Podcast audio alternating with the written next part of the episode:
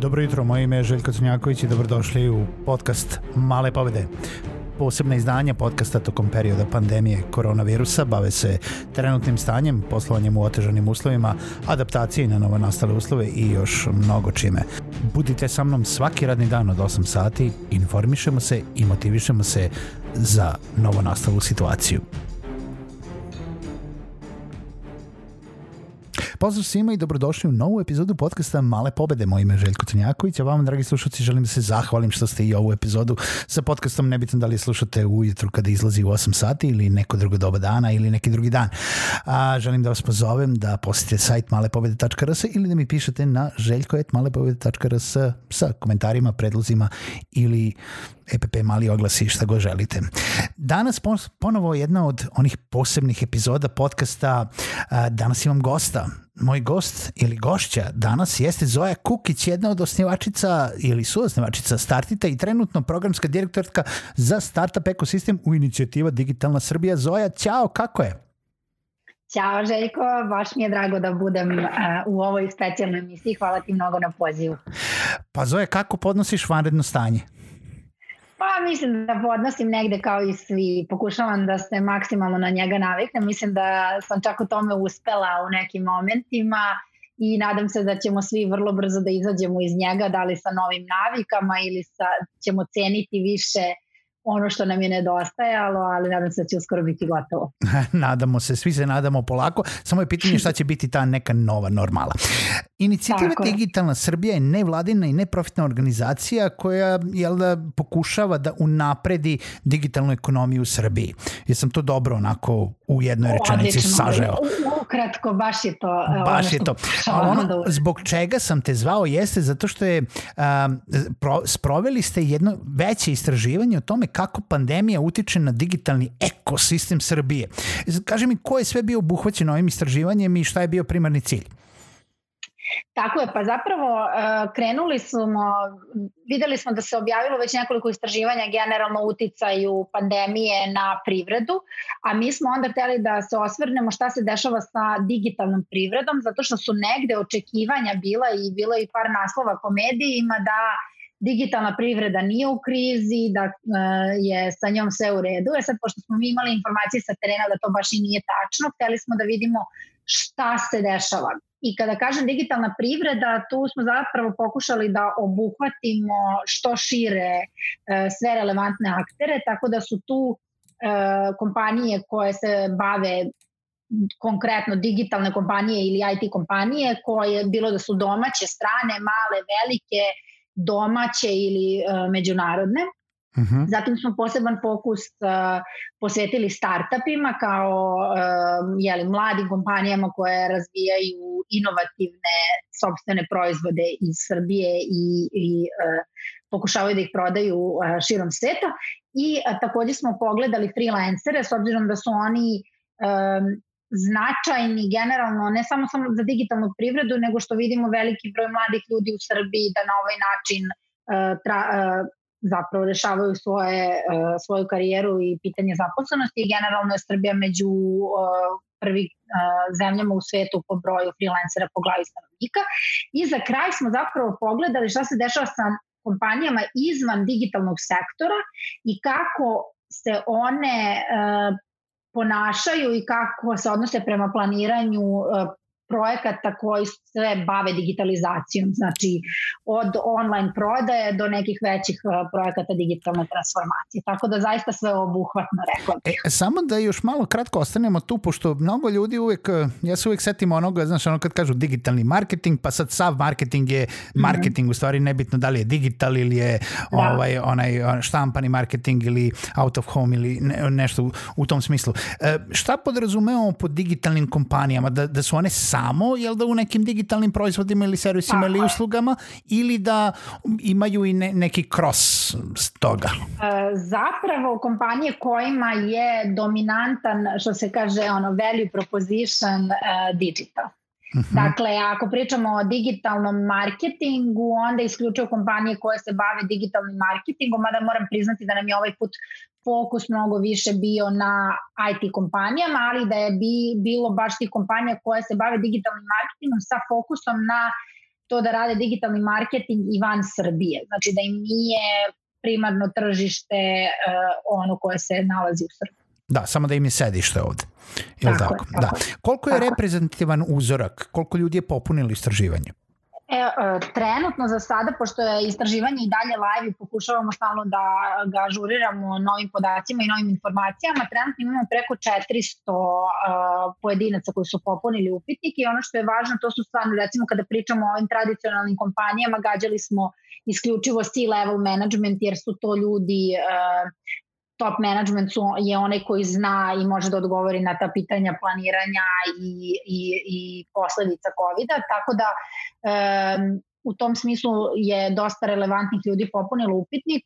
Što se reprezentativnosti tiče, to je izuzetno teško odbraniti kada ne postoji neko, kako bih rekla, sveobuhvatno istraživanje pre ovoga koje bi reklo kako to izgleda domaća uh -huh. digitalna privreda ali uh, generalno recimo postojali su, postojalo nekoliko istraživanja, jedno smo i mi radili na temu startup ekosistema i tu mogu da kažem da je uzorak zaista reprezentativan. Uh, a za ove druge stvari smo se gledali da više ne zaključujemo, uh, da zaključujemo u opštem smislu kao grupa IT kompanija, isključivo kada postoji relevantna, relevantni statistički uzorak, a u suprotnom smo gledali neke konkretne kompanije, recimo gaming kompanije, pa šta se s njima dešava.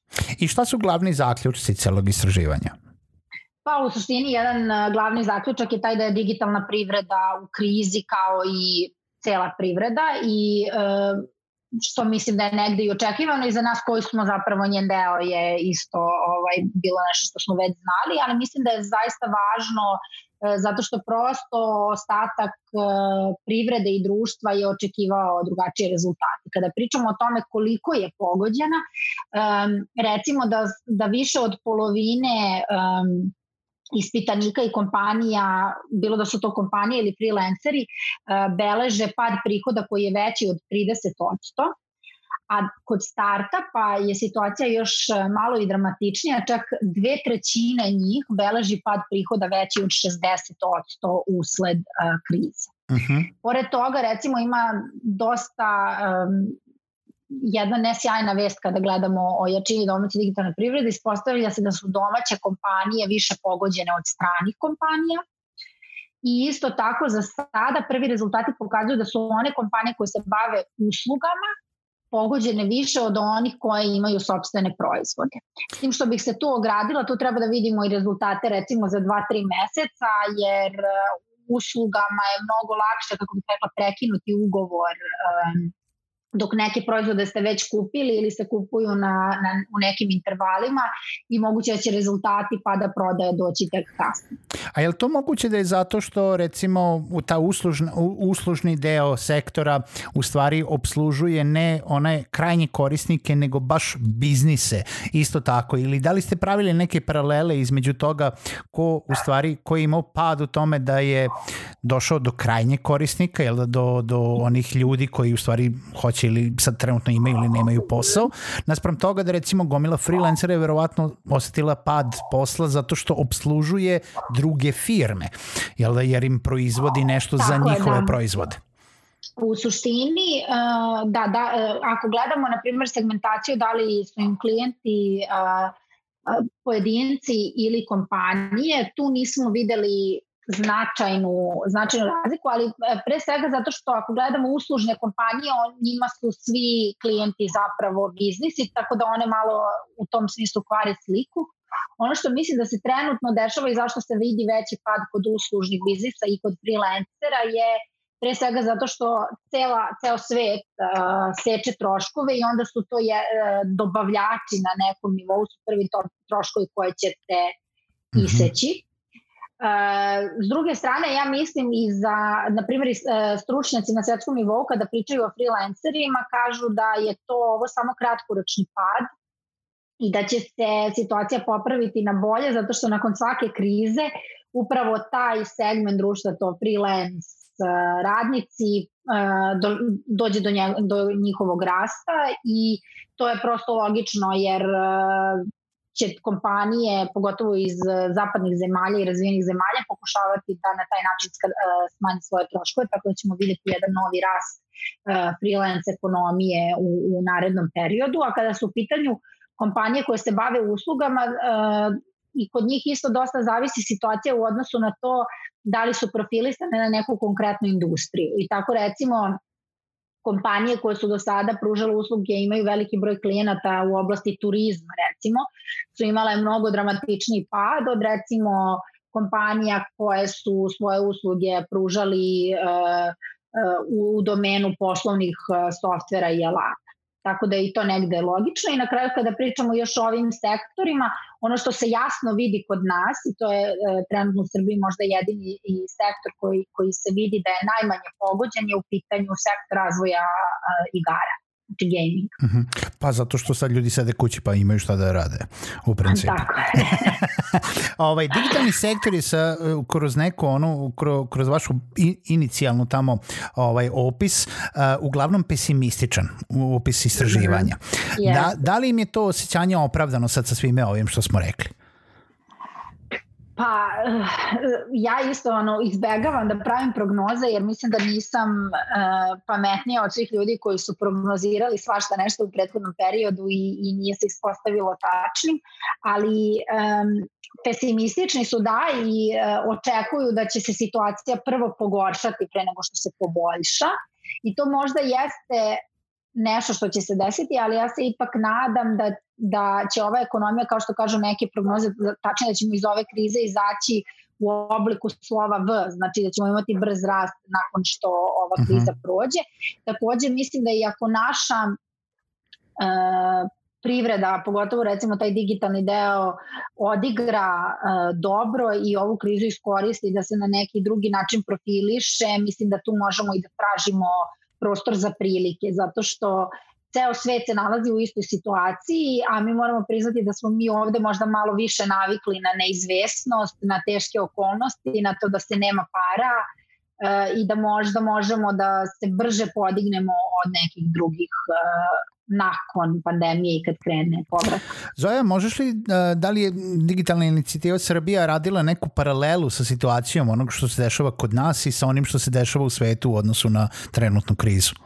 E, pa u suštini u izveštaju postoji jedan poseban deo koji se osvrće na, na ono šta se dešava u svetu i rezultati su slični. E, generalno vidimo pad na svim nivoima ono što je možda zanimljivo, a to je najveći broj rezultata zapravo dolazi iz um, zapadne Evrope ili Amerike koje, sa kojima smo, možemo da se poredimo i što je zanimljivo je recimo da tu i startupi i te neke veće uh, kompanije mnogo više otpuštaju nego što je trenutno u Srbiji to situacija. U Srbiji samo 10 kompanija razmatra uh, otpuštanje radnika, ali ono što je zanimljivo je da u Srbiji uh, između, sad u zavisnosti toga u kojoj grupaciji uh, uh, pripadaju, između 25 i 40 kompanija planira smanjivanje plata zaposlenih. I to je nešto gde smo mi interno čak razmišljali i diskutovali i zapravo je stvar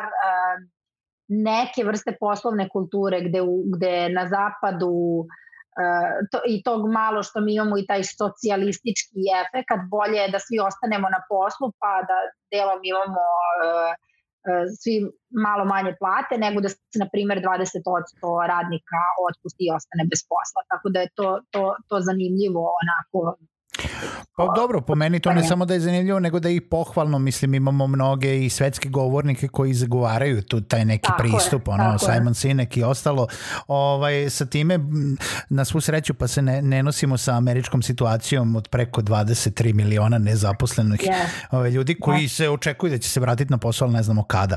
Tako da mm. možda je bolje da svi malo podnesemo, kao što si rekla, naspram nekolicine da baš ovaj, loše to podnese. Uh, za kraj, kaži mi, imali nekih preporuka kako da se kompanije nose sa trenutnom situacijom koju naravno najveći problem od svih jeste ne znamo koliko će da traje.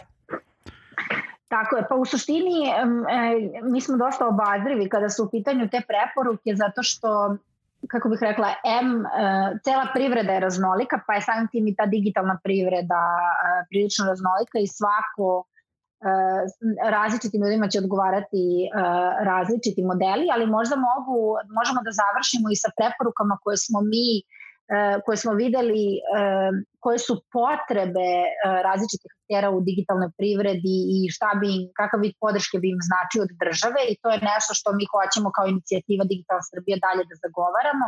Tako da je recimo jedan od podsticaja koji bi značio svima u digitalnoj privredi. Bukvalno je to bio jedan od top izbora, bilo da su u pitanju startup i e, veće kompanije, uslužne kompanije, freelanceri je zapravo smanjenje poreza i doprinosa e, na plate ljudi, što negde ima smisla jer kod na, u, u našem sektoru plate su zapravo ujedno i najveće ulaganje kompanija i, i, i da, da je to jedan posticaj koji bi o, u ovom sektoru značio možda više nego nekim drugim. I zatim svako, svak, svaka recimo, svaki podsegment digitalne privrede je nakon toga imao neke svoje specifične zahteve, primjer radi startupi koje ja i najviše pratim, se posebno brinu za investicije zato što one pa, padaju na svetskom nivou dramatično i sad je pitanje kako će se to, zapravo je sigurno da ćemo i mi u Srbiji osetiti taj pad investicija na svetskom nivou i šta možemo sada kao ekosistema, pre, pre svega i kao država, da uradimo da podržimo startupe naše, da, da ne propadnu zato što nisu uspeli da dođu do novca. U svakom slučaju to jeste tema o kojoj će se razmatrati u narednom periodu. Zoja, puno ti hvala Tako što si bila moja gošća na ovoj uh, epizodi podcasta Male pobede. Hvala tebi Željko mnogo na pozivu, uživala sam i slušamo se. Slušamo se. Dragi slušalci, čujemo se sutra u narodnoj epizodi.